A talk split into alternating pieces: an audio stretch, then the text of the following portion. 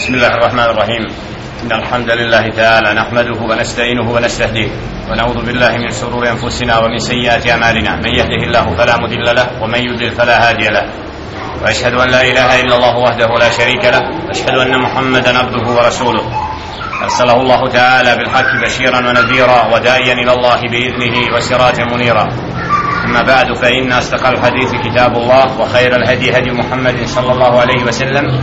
وشر الأمور محدثاتها وكل محدثة بدعة وكل بدعة دلالة وكل دلالة في النار ثم أما بعد أيها الإخوة الكرام أيها المؤمنون والمؤمنات سلام الله عليكم ورحمة الله وبركاته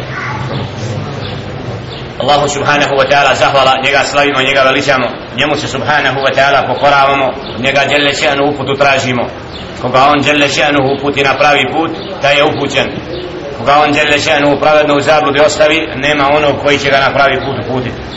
A zatim zaista je najispravniji govor Allahov govor, a najbolja uputa uputa njegova roba i poslanika Muhammeda sallallahu alaihi wa sallam, a najgore stvari po din su novotarije stvari neutemeljene na riječi Allaha subhanahu wa ta'ala niti na riječi njegova poslanika alaihi salatu wa salam a onda su nepravedno i džehlet pripisana Allahu subhanahu wa ta'ala i poslaniku njegovu.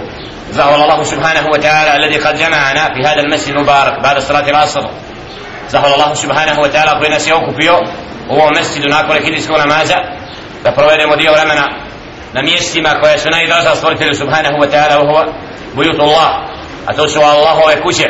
Ne bi dobile taj naziv osim da upravo imaju najpočasnije mjesto na zemlji a to je mjesto gdje se Allah subhanahu wa ta'ala slavi veliča gdje se Allah subhanahu wa ta'ala gdje se izrokava pokornost stvoritelju nebesa i zemlje.